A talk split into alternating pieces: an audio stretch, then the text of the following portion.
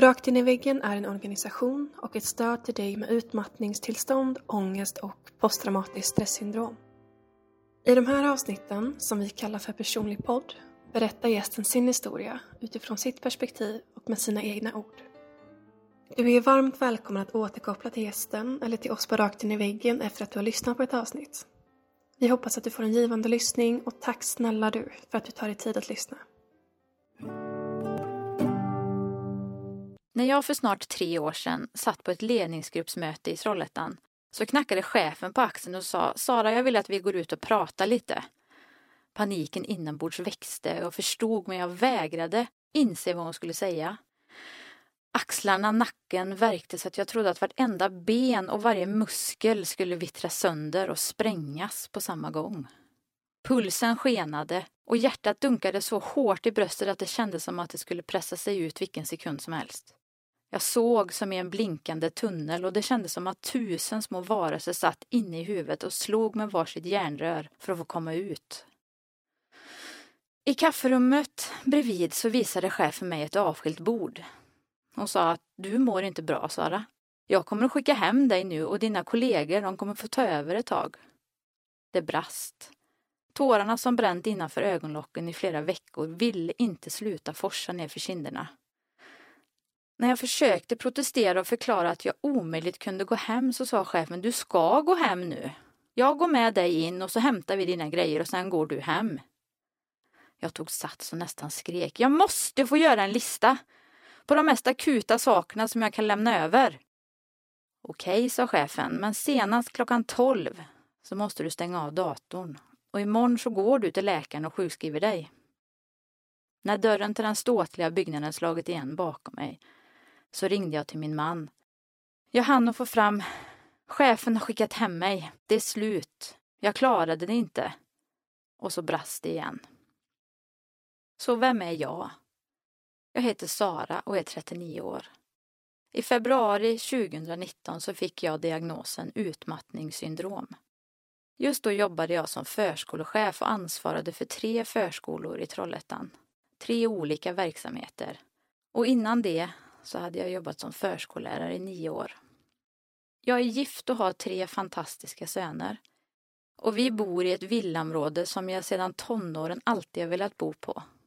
Det var en av mina drömmar, att bo i ett blått hus på egna hem. Innan jag fick tjänst som förskolechef så var jag som sagt förskollärare. Och åren innan utbildningen så vikarierade jag som barnbiträde, lärarvikarie och var i hemtjänsten eller på psykiatriska avdelningen och rättspsyk. Men redan som tioåring så började jag sälja tidningar i min hemby.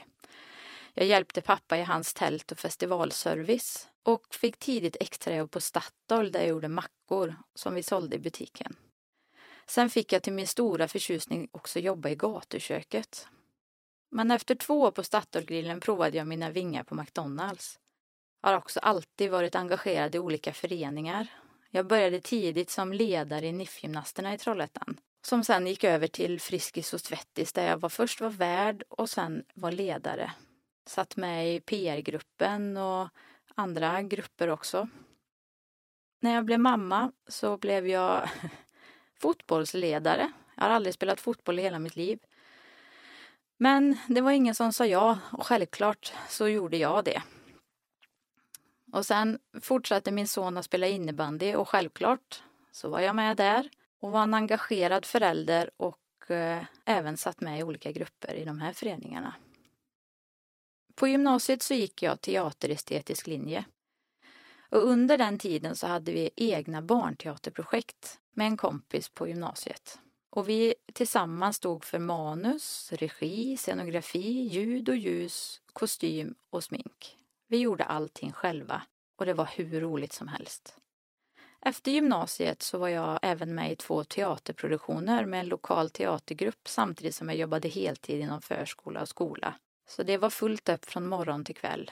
Först jobbet och sen repetitioner. Och sen sedermera föreställningarna. Jag älskar också att sjunga, både i kör och solo och har gjort det på exempelvis bröllop och begravningar till sådana som vi känner. Som ni förstår så trivs jag med att vara i centrum och jag har fått syre av andra människors bekräftelse på att det jag gör, det är bra. och då gjort ännu mer. Så sammanfattningsvis så skulle jag vilja säga att eh, prestation alltid har varit en stor del i vem jag trott att jag har varit.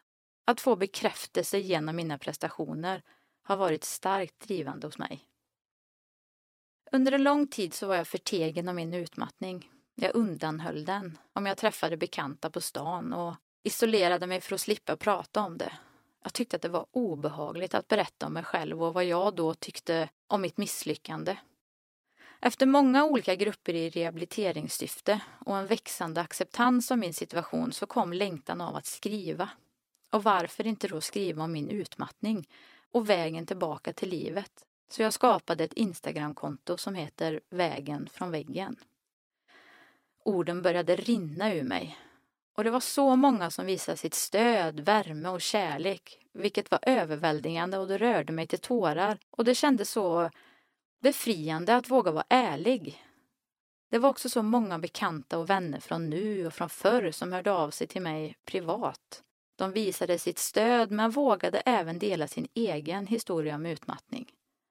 Vi är väldigt många, med lika många olika historier som lett oss fram till att vi har blivit sjuka av stress.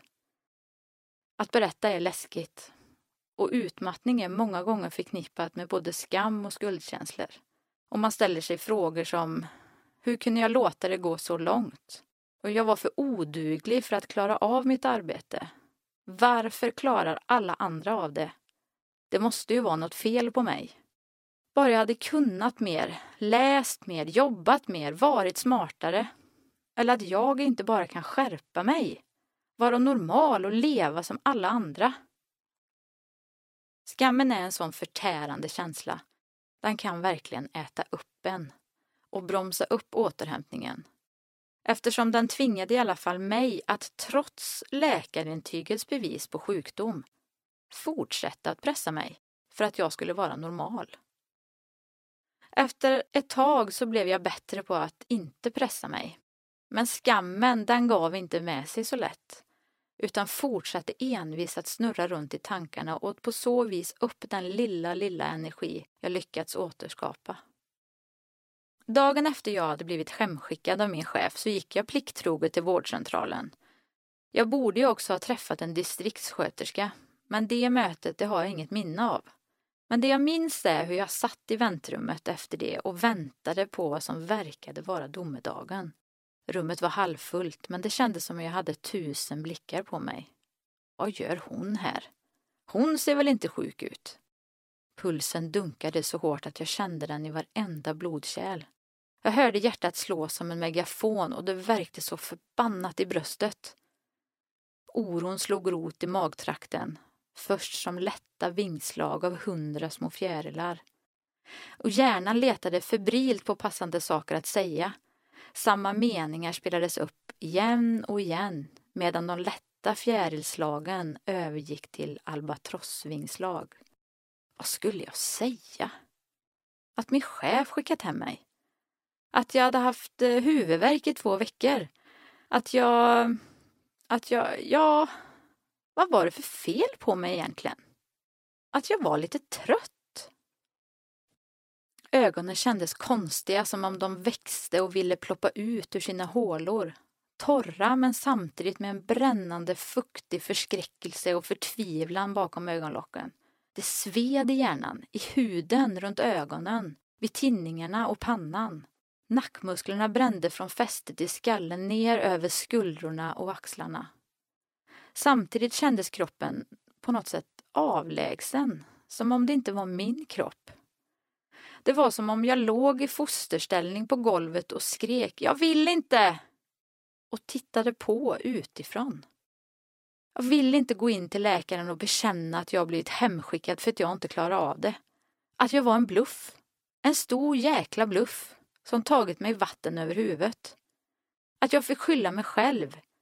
Min arbetsgivare och mina kollegor skulle ju inte behöva få mig som belastning nu också. De hade ju redan fullt upp med sitt.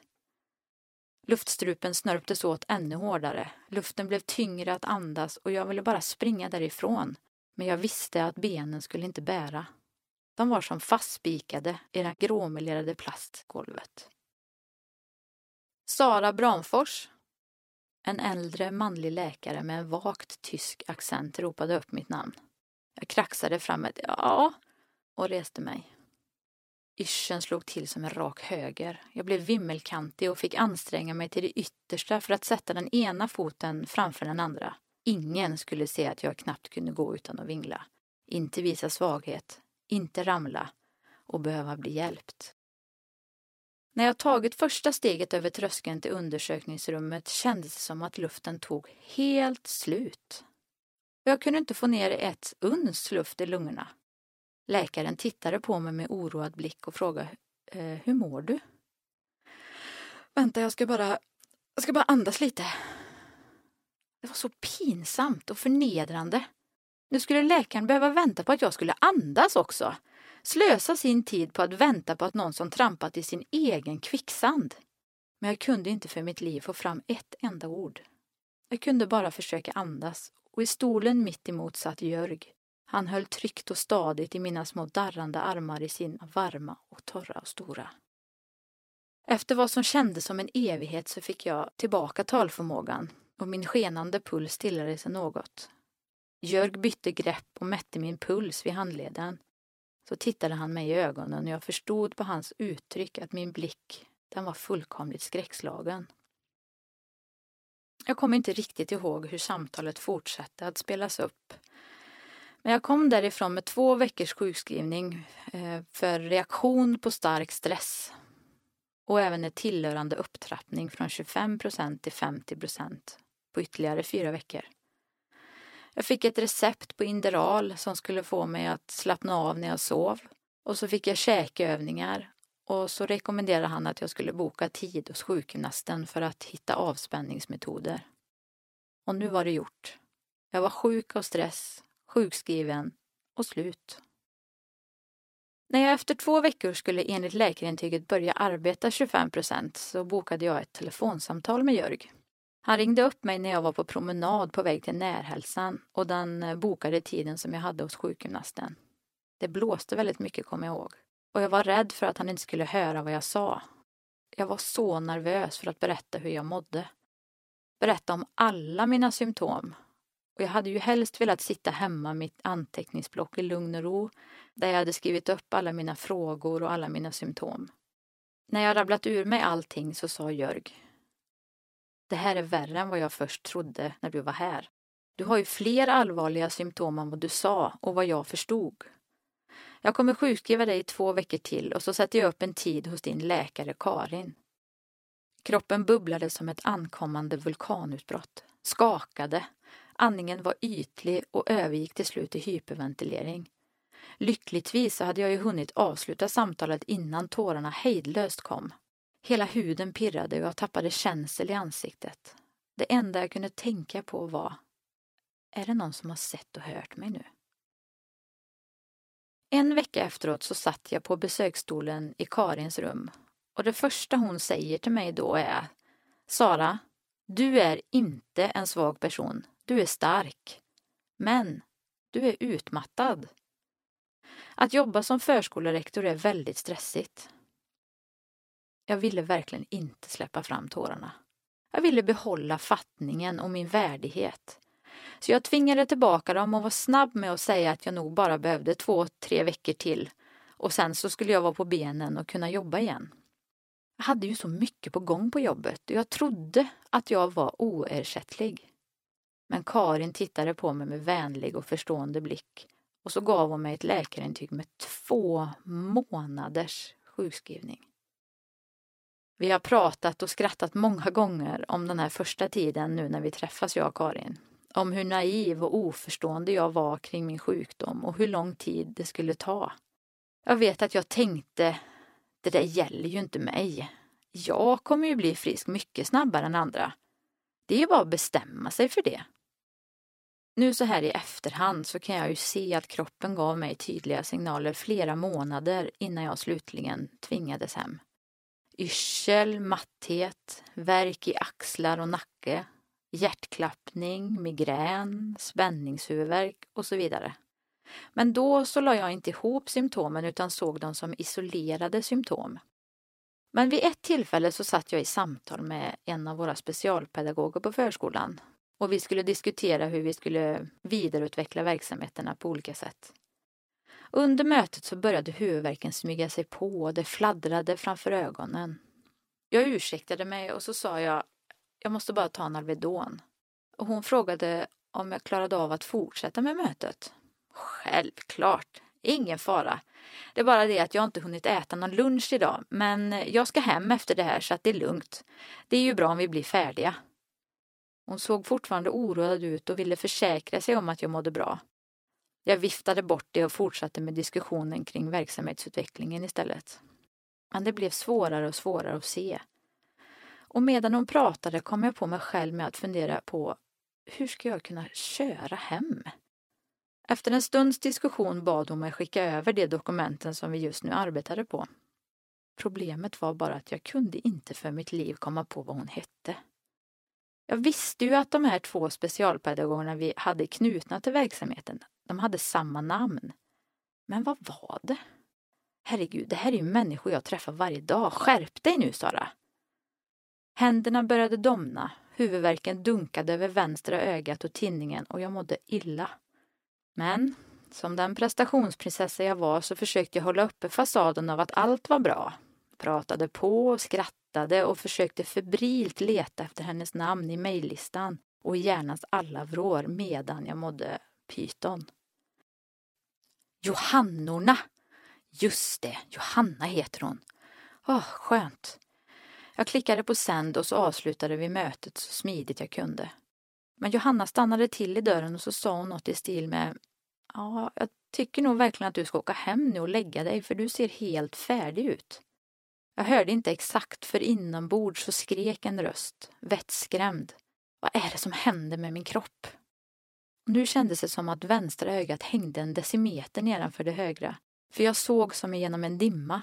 Pannan skrynklades ihop av smärtan och jag kände kallsvetten rinna på ryggen.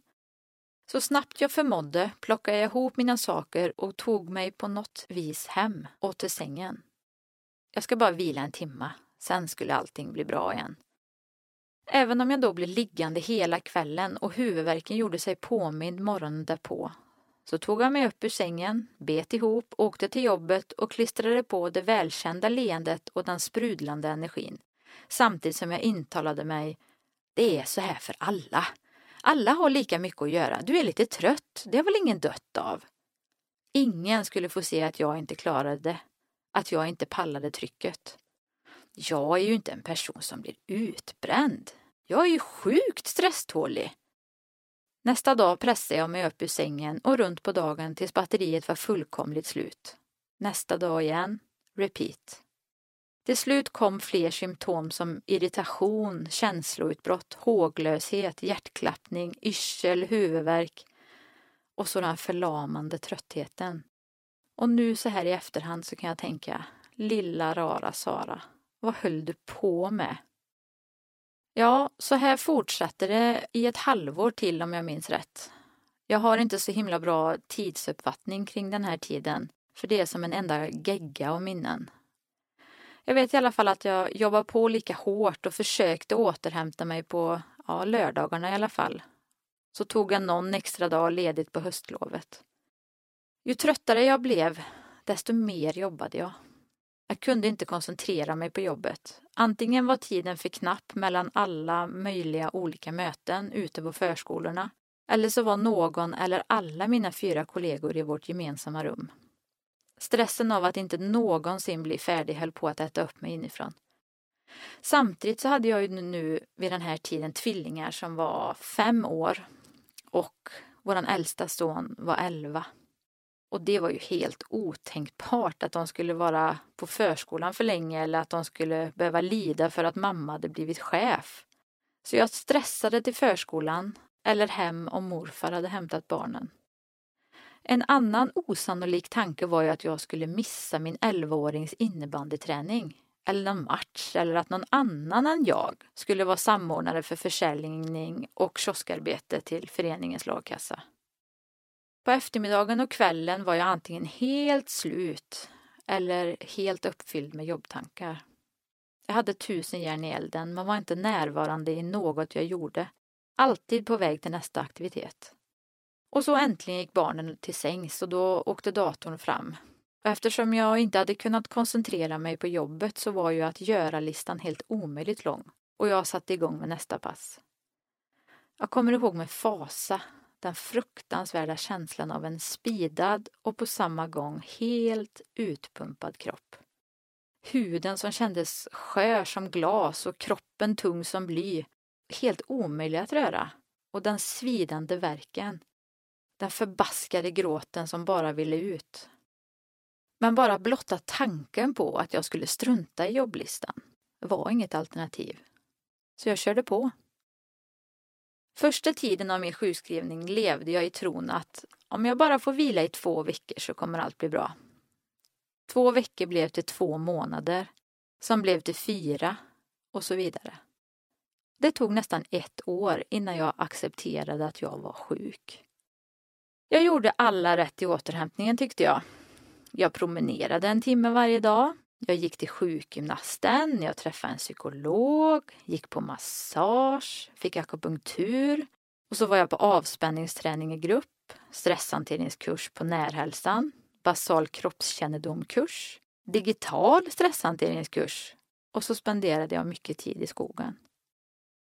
Efter något halvårs sjukskrivning så fick jag tips att eh, min arbetsgivare erbjöd medicinsk yoga för de anställda och där träffade jag människor i samma situation som jag själv. Jag var van vid att träning skulle vara svettigt och kraftfullt. Men under den första tiden fanns det inte på kartan att jag skulle klara av ett träningspass med musik och med andra människor. Eftersom jag visste att pulshöjande träning var bra som återhämtning av stress så klandrade jag ju givetvis mig själv för att jag inte orkade. Men med yogan så var det annorlunda den här gången. Yogan hjälpte mig att känna min kropp, att röra mig med andetaget, att känna mina känslor. I början när hjärnan var helt slutkörd så var det väldigt svårt att koordinera rörelse och andning. Jag blev rejält rädd. Och jag trodde jag hade förstört min kropp så att jag aldrig mer skulle kunna röra mig på samma sätt. Fruktansvärt läskig känsla. Men i ett stilla andetag så kunde jag följa andetaget genom kroppen och faktiskt känna vad det kändes. Successivt så kunde kroppen koordinera sig mer flytande igen. Det fina var också att vara med i ett sammanhang, en grupp med människor som kände som jag. Och med en yogalärare som guidade oss och förklarade och tröstade. Till slut blev yogan som en drog, en livsviktig stund med frid, stillhet och rörelseglädje. Jag kunde sitta, ligga och röra mig på mattan i flera timmar hemma.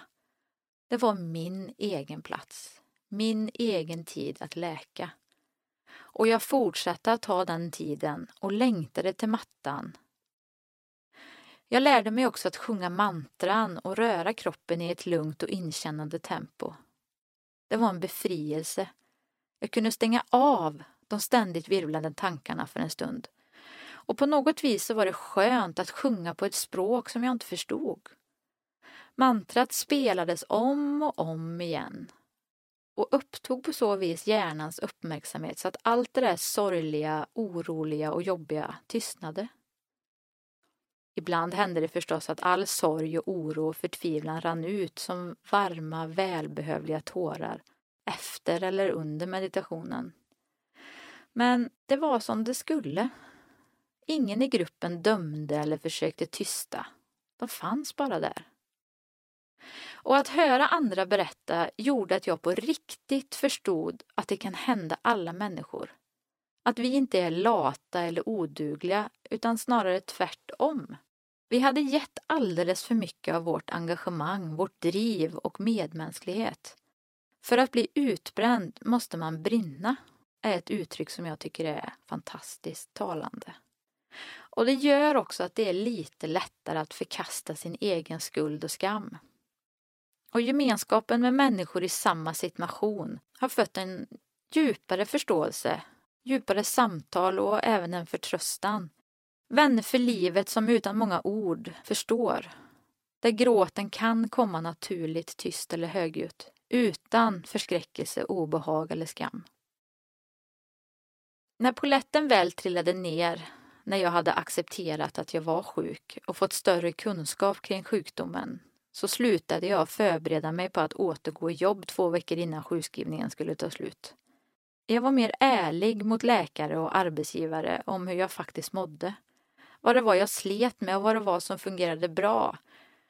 Och det tror jag är nödvändigt för att vi ska kunna börja bygga upp kroppen igen och en viktig del av vår acceptans. En tid in i sjukskrivningen hade jag också mycket orostankar kring vem jag var om jag inte kunde prestera som jag hade gjort på jobbet. Att jobbet på något sätt eh, definierade vem jag var som person. Och med det så kom ju naturligtvis en känsla av värdelöshet och oro över det, vad det var det skulle bli av mig. Men hösten 2020 så fick jag chansen att arbetsträna på en kyrkogård där jag fick använda kroppen, vara väntad och vara en del av ett sammanhang igen. Samtidigt som jag fick andas frisk luft och arbeta i jorden. Jag började känna mig stolt över att jag kunde landa i nuet. Att det var där jag var just nu. Tanken av att jag inte nödvändigtvis behövde sätta likhetstecken mellan arbete och Sara slog rot. Jag är inte mitt arbete. Mitt arbete är en del av mitt liv. Men livet innehåller annat också. Utmattningssyndrom och återhämtningen ifrån den är verkligen en snirklig resa att göra. Jag kan inte räkna alla gånger jag har trott att ja, nu är jag frisk och så har jag börjat hoppas och börjat leva igen. Men resan är tyvärr kantad av många vägbulor och uppförsbackar och bakslagen blir ett faktum. Men det är också bakslagen som lär oss hur vi behöver leva och förstå oss själva. Att acceptera vårt nya sätt att leva och lämna det där osunda beteendet bakom oss. I ett inlägg på mitt Instagramkonto så skrev jag vid ett tillfälle om just bakslag. Det var lördag morgon.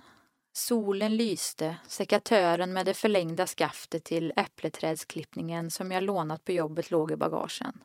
Efter en bra vecka var kraften starkare än på länge och kroppen hade inte ont. Känslan av upprymdhet över att orka greja i trädgård och hem överväldigade mig likt ett barns entusiasm om att cykla för första gången på våren eller leka med tårna i sanden. Måndag morgon och energin var kvar. Jag riktade ett tyst tack till högre makter. Nu hade stormen stillat sig. Jag var på väg tillbaka. Veckan skulle innehålla mer än vanligt. Möten med arbetsförmedling, möten med kurator, jag skulle gå till frisören. Jag skrev och det vanliga livet med arbetsträning, matlagning, tjafs med barnen om läxor, syskonkärlek och duschdagar. Torsdagen var här. Huvudvärken gjorde sig återigen påmind. Det går nog över med morgonyoga och frukost, tänkte jag. Men om jag ska vara ärlig så hade huvudvärken och tröttheten med tilltagande kraft grabbat tag om tinningar och bakhuvud på dagarnas senare hälft i några dagar nu. Jag har ju lärt mig nu. Jag går ju och vilar efter jobbet. Eller ja, jag vilar ju när jag har jobbat och ätit. Eller, ja, när jag har jobbat, ätit, skrivit på Instagram och hjälpt barnen med läxorna, då, då vilar jag. Efter en hel eftermiddag i sängen så kändes kroppen återigen som bly och slime på samma gång. Då kom insikten. Jag kanske skulle vara hemma imorgon. Det hade ju faktiskt varit en ovanligt innehållsrik vecka. Morgonen därpå vid frukostbordet bestämde ändå prestationsprinsessan med den förljugna självmedkänslan att gå till jobbet halva dagen. Sen går jag hem. Och så var lördagen här. Jag kastades tillbaka ett och ett halvt år i tiden. Kroppen ville inte lyda, huvudet sved av värk och sorg och rädsla av att fastna i det här tillståndet för evigt. Och det fick min kropp att darra och vilja gråta som ett skadat barn. Ilskan vällde upp i mig och självkritikern hade ensamrätt på talutrymmet. Förtvivlad av att ha så ont i huvud och kropp ville få mig att krypa ur mitt eget skinn. Efter en veckas vila utan krav på aktiviteter hade jag återigen vaknat upp ur den här smärtfyllda dvalan. Och för varje bakslag så kommer nya insikter. Och graden av acceptans blir högre. Men saknaden av att vara frisk nog att leva ett liv som alla andra, den finns kvar. När jag hade arbetstränat i drygt sju månader så var det dags för ett avstämningsmöte om fortsättningen. Försäkringskassan hade antytt länge att jag måste komma upp i tid nu. Men mitt mående hade under arbetsträningen blivit sämre igen, vilket jag vägrade erkänna men ändå inte kunde bortse ifrån. Då tycker jag vi tar en paus, var orden som jag bävade inför. Mina symptom hade förvärrats igen samtidigt som jag ville fortsätta ha ett jobb att gå till och att det resulterade i att jag än en gång pressade min kropp. Inför det stora avstämningsmötet med läkaren, Försäkringskassan, Arbetsförmedlingen och min arbetsgivare så hade jag noga förberett mig enligt med min eh, psykologs guidade ord. Att öva på att vara helt ärlig och öppen med mitt mående. Ge en objektiv nulägesbeskrivning. Att lägga korten på bordet helt enkelt. Beskriva vad jag gör för att gå framåt. Det som fungerar bra men också det som fungerar dåligt. Vad är det jag sliter med? Jag skulle berätta om min oro och mina rädslor inför framtiden och mitt tillstånd. Dagen var kommen.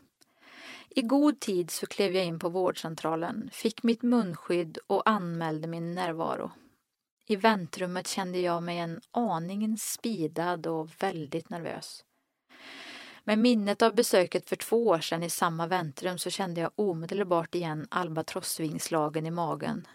Försökte läsa igenom mina anteckningar medan mitt sinne snurrade hela tiden och pockade på min uppmärksamhet. Molnet av oro och ledsamhet svävade allt mer enträget över huvudet och så omslöt min kropp. Jag gillade inte känslan som steg inom mig. Som om något inte stod rätt till. Det kommer hända någonting som jag inte har räknat med, tänkte jag. Sara, min läkare Karin uppenbarade sig i väntrummet. Jag samlade ihop mig, klistrade på mitt välkända leende och följde med henne in på mottagningsrummet. Vi hade fem minuter innan det digitala mötet skulle börja. Som vanligt så frågade Karin rättframt och med sin effektiva ton om huvudvärken var borta och hur jag mådde. Jag försökte så konkret och kortfattat beskriva nuläget men stakade mig. Läkaren såg då anteckningen i min hand hon tog det och läste snabbt igenom samtidigt som hon smidigt såg till att tekniken fungerade och plötsligt så var mötet igång. Hon började att berätta om mitt medicinska tillstånd. Sen blev det min tur. Och jag höll mig till anteckningarna. Och även om det var läskigt och ovant var jag ärlig precis som planerat. Då tycker jag vi tar en paus i arbetsträningen. Målet med arbetsträning är att öka i arbetsförmåga du har varit på kyrkogården i sju månader och din läkare säger att du med nöd och näppe klarar av 37,5 procent. Jag kan inte motivera att du fortsätter nu. Så löd domen från handläggaren på Försäkringskassan. Ett ojämnt och samtidigt vilt vattenfall av smärta och skräck forsade ut genom tårkanalerna och ner över kinder, hals och hade bildat en sjö i knät om det inte vore för munskyddets absorberande förmåga. Kroppen fylldes med en vidrig panik och steg som ett ursinne utan självbehärskning. Och lusten att skrika nej rakt ut var nästintill oövervinnelig att hejda. Tårarna stramade åt strupen och orden stockade sig. Jag vände mig till min läkare i förtvivlan för stöd och hjälp och huvudet rörde sig frenetiskt i en nekande huvudskakning. Det fick inte vara sant. Hur kunde de här människorna göra så här mot mig? Jag som hade kämpat så för att gå till jobbet lagt om hela vardagen för att orka gå till jobbet som jag mådde så bra av. Då slog det mig. Misslyckandet var ett faktum. Igen. Ridån gick ner. Tankarna stannade samtidigt som det verkade pågå en OS-match i pingis där inne. Jag såg munnarna på skärmen röra sig. Jag såg läkarens mun röra sig i ett svar, utan att förstå vad som sades. Först var Karin lite tveksam till att det här skulle vara bäst för mig just nu. Men sen ändrade hon ståndpunkt eftersom alternativet var att jag skulle gå upp på 50 procent och det var inte aktuellt. Snyftande som en bästa förmåga att få fram orden fick jag till slut fram. Jag vill ju vara kvar. Vad ska jag göra nu? Jag mår ju bra på kyrkogården. Min handläggare på Försäkringskassan pratade medlidsamt Det är inte meningen att du ska känna att vi drar undan mattan för dig. Det handlar heller inte om att du kommer att bli utförsäkrad, men just nu är du för sjuk för att jobba. Förorättad, misslyckad, överkörd och förtvivlad såg jag tåget lämna mig kvar på perrongen med en utgången biljett. Jag skulle vara hemma i sex veckor för att hinna ändra min medicinering av den reumatiska sjukdom jag någon månad börjat behandlas för och få tid till att bygga upp kroppen. När sex veckor av min paus från arbetsträningen gått så var det dags för ett avstämningsmöte med alla inblandade igen. Då, sex veckor tidigare, så kände jag en oerhörd förtvivlan och känsla av maktlöshet. Det tog några dagar att landa i den nya situationen och jag brottades framförallt med skamkänslor av att inte kunna klara av jobbet, igen. Tänkte på alla människor runt om mig, om vad de skulle tro och känna om mig. Deras eventuella reaktioner var viktiga för mig. Igen. Någon vecka efter mötet så sa min man vid frukostbordet. Det kanske ändå är det här du behöver nu älskling. Att få tid att stärka din kropp och vila. Ett leende spred sig över mina läppar eftersom det var precis det jag själv hade tänkt. Tankarna hade snurrat på som en virvelvind innanför pannbenet i några dagar och jag insåg att de flesta orostankar de hade med andras åsikter att göra. Tänkta åsikter ska sägas. Alltså mina egna konstruktioner. Rädslan för att vara svag, få medlidsamma blickar och av att försvara eller förklara sitt mående hade växt, men nu också kapats till marken igen. För när jag hade fått stanna upp och tänka efter så hade gamla symptom börjat komma tillbaka. Och efter arbetsdagen så var det ryggläge hela dagen som gällde. Livet hemma var inte prioriterat eftersom min obotliga arbetsmoral gav sig fasen på att vinna. Prestationsprinsessan hade då övervunnit självmedkänslan igen. Men efter pausen så såg jag situationen ur ett annat ljus med andras ögon som ville mig väl snarare än att dra undan mattan för mig och jag var tacksam för de kloka professionella människorna som hindrade mig från att göra samma misstag igen. Jag mådde mycket bättre i både själen och kroppen. Men visst kom det dagar som var sämre och jag fick fortsätta att jobba med mina problembeteenden varje dag. Men det blev lite lättare. De självkritiska tankarna kring att jag kände mig misslyckad såg jag nu som en normal första reaktion som faktiskt bara tog några dagar att vända. Självmedkänslan vann den ronden. Efter det där fruktansvärda mötet eh, fick jag träffa en arbetsterapeut och hon gav mig några mallar på veckoscheman som jag med framgång använde. För mig så blev det en bra struktur att följa att inte planera in för många aktiviteter på en dag eller en vecka. En stomme som var värdefull att utgå ifrån. Men samtidigt så tillät jag mig att vara spontan och byta ut aktiviteter med varandra. Men det var ju just det, byta ut. Istället för att göra som förut och lägga till och ändå göra det där andra jag hade bestämt. Jag använder mig fortfarande av det veckoschemat. Det blir en bra avcheckning av veckan som har varit och även en sund planering för att få till en hållbar vecka. Så, då var jag hemma igen på heltid och hade landat i att jag behövde det och skulle göra det bästa av situationen. Jag började sakta men säkert att träna igen, både hemma men jag tog mig också tillbaka till Friskis och Svettis hade förmånen att fortsätta min terapi hos en lyhörd och klok psykolog genom jobbet som hjälpte mig med mina beteenden, tankar, men framför allt mina självkritiska känslor.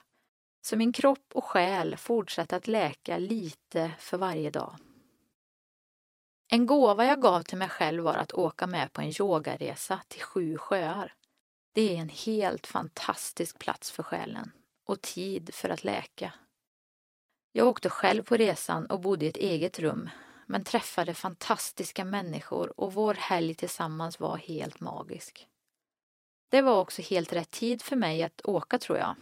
För jag var öppen för att läka och växa och tack vare de andra deltagarna och våra fantastiska yogainspiratörer så hade jag modet att öppna mig. Andra dagen efter morgonmeditation och brunchen så tog vi en promenad allesammans i den vackra naturen. Tillsammans gick vi ner längs den gräsbeklädda grusvägen. Vattnets lugnande ljud då det strilade från damm till damm och björkarnas allt grönare kronor gjorde tystnaden betryggande. Doften av blött gräs, naturens exploderande grönska, fåglarnas ihärdiga kvitter och förnimmelsen av markens ojämnheter under fötterna väckte alla sinnen till liv. Under meditationsvandringen växlade naturen skepnad flera gånger. Vi gick var för sig med några meter ifrån varandra men tystnaden kändes inte ensam utan trivsam och behaglig. Efter ett stopp med utsikt över sjön och trädens grenar som skydd dröjde jag mig kvar i kramen om trädstammen. Efter några steg böjde jag mig ner, kände på den blöta mjuka mossan, andades in och andades ut och började sedan fundera kring uppgiften vi fått med oss ut på vandringen. Vilken känsla vill ni måla? En känsla ni vill ha mer av eller kanske en känsla ni vill bli av med? Då var det som det bara kom till mig. Motivation. Att våga drömma framåt. Jag kände mig uppfylld av något större än att bara vara sjuk. Såg mig själv måla färgstarkt och stort och det slog mig då att jag var beredd att släppa sorgen över att ha blivit sjuk. Sorgen av att ha förlorat den personen jag en gång var. Sorg för den förlorade tiden. Det blev tydligt att jag behövde släppa sorgen. Låta det bli ett verkligt men konturlöst minne för att komma vidare i läkningsprocessen. Plötsligt skiftade naturen återigen karaktär och framför mig uppenbarades en tät, mörk, nästan kuslig del av skogen. Jag klev in. Gråten grabbade tag om strupen och tvingade fram en tyst skälvande snyftning. Handen landade på en stam med en äldre reva, ett kvarlämnat sår och min hand strök försiktigt över den ojämna ytan, över ett ärr från en annan tid. Jag lyfte upp huvudet och såg ljuset bryta sig igenom de täta trädkronorna. Med hopp om en ljusare framtid. Väl tillbaka i kärlan var papper, färger, penslar framdukat och vi fick dela med oss av vilken känsla vi hade tänkt avbilda. Efteråt så gav Tua mig två känslokort som inspiration och det var burdened och sadness. Tyst för mig själv så läste jag de här affirmationerna och vemodet bubblade upp. Jag begravde ansiktet i händerna och lät gråten komma. När den ebbat ut så tog skapandet vid och jag var som uppslukad av processen. Nu börjar det här avsnittet att nå sitt slut och jag är så glad och tacksam för att du har tagit dig tid att lyssna på min historia.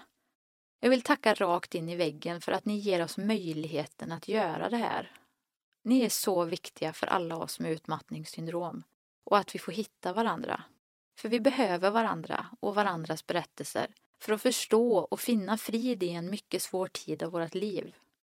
Och även om den här pisstiden i mitt liv har varit det värsta jag hittills upplevt så finns det ändå så mycket jag har att vara tacksam för.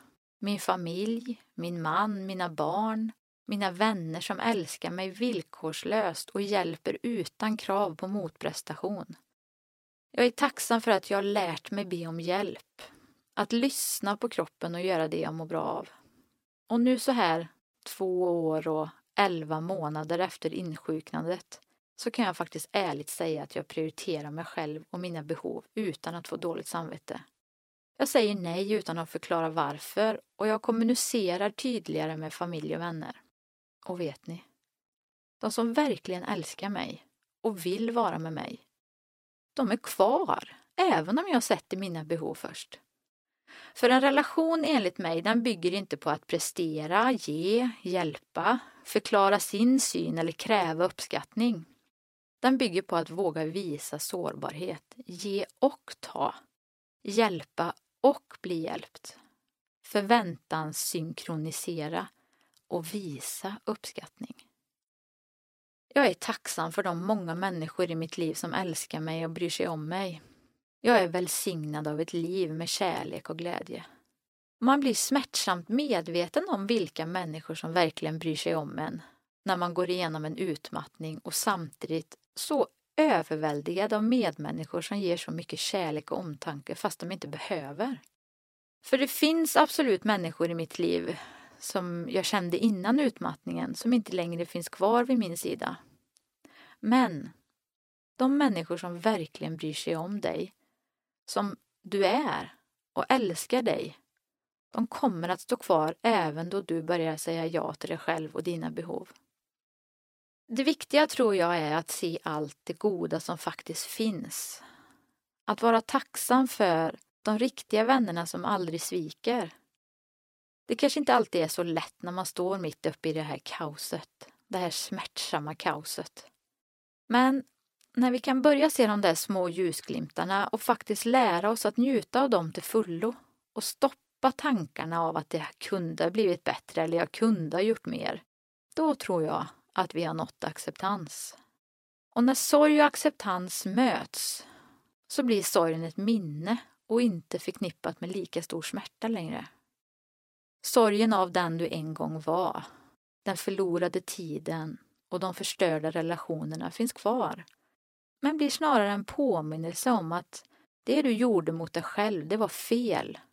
Och att du med dessa erfarenheter kan få ett mycket lyckligare och rikare liv.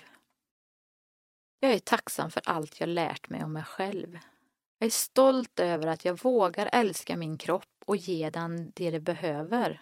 Och känner oerhörd tacksamhet och kärlek för de människor som älskar mig för att jag är jag, inte min prestation. De som ger utan krav på motprestation och finns vid min sida i stormen som är och har varit. Om du är nyfiken på att läsa mer om mig och min resa så får du jättegärna följa mitt Instagramkonto Vägen från väggen. Och ställ gärna frågor till mig om du har några funderingar. För det är när vi delar erfarenheter och reflekterar tillsammans som vi lär. Återigen, tack till er som har lyssnat och tack till Rakt in i väggen för att ni ger oss möjligheten att hitta ett sammanhang och få kunskap kring våra erfarenheter av utmattningssyndrom. Tack också till min underbart fina vän Per för att du har hjälpt mig med den här inspelningen av detta avsnitt. Jag vill också rikta ett stort tack till Tua på Yoga by Tua som visade mig kärleken till yogan och meditationen och för att du var min vän. Tack min älskade Sofie och Anna och Sara som har stöttat och tröstat och lyssnat genom hela den här resan. Tack också mina fantastiska föräldrar och min syster som har hjälpt mig och stöttat mig under alla de här åren. Det hade inte gått utan er. Och tack David, min älskade man, som älskar mig ändlöst och som finns vid min sida i de mörkaste stunderna. Kramar mig och låter mig gråta. Och tack mina älskade, kloka och omtänksamma söner. Ni är mitt allt. Det finns så många fler underbara människor i mitt liv som på olika sätt har varit ett ovärderligt stöd. Jag tror ni vet vilka ni är. Tack alla som har varit ett stöd för mig under den här resan. Och tack för mig. Vill du också medverka i Rakt in i väggens podcast? Besök i så fall vår hemsida för mer information på www.raktiniveggen.se medverkan. Om du vill tipsa oss om en poddgäst eller om du har en fråga eller synpunkt på det vi gör så kan du alltid mejla oss på info raktinivaggen.se för att få svar. Vi på Rakt in i väggen vill fortsätta växa och vi behöver din hjälp. Skulle du vilja bli en del av vårt team och bland annat ansvara över vår podcast? Då får du jättegärna höra av dig till oss. Antingen via vår mejl info raktinivaggen.se via våra sociala medier eller via vår hemsida raktinivaggen.se.